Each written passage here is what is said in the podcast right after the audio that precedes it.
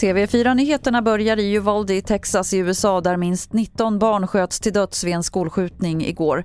Barnen ska gått i tredje och fjärde klass och var i skolan när en 18-årig man som pekats ut som gärningsman kom dit och började skjuta.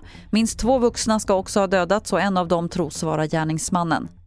Ja, vi vet att eh, då den här 18-årige gärningsmannen, han eh, hade precis fyllt 18 och hade lagligt köpt flera vapen då. Det började med att han sköt sin grandmother, alltså farmor eller mormor, vi vet inte vilket ännu. Eh, och därefter ska han ha begett sig till den här skolan och, eh, och börjat skjuta. Vi vet inte någonting om motivet egentligen, vad som ligger bakom. Det berättade utrikeskommentator Stefan Borg. Två högt uppsatta personer, en chef och en säljare på säkerhetsbolaget Securitas ska ha besökt en bordell i Spanien flera gånger. Det avslöjar SVTs Uppdrag granskning. De två männen har fått sparken och har anmälts till polisen.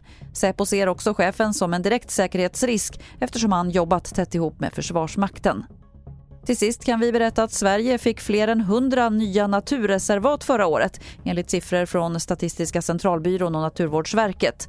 Den totala ytan av skyddad natur ökade med 27 000 hektar förra året och det största nya naturreservatet finns på Gotland. Fler nyheter finns på tv4.se. Jag heter Lotta Wall.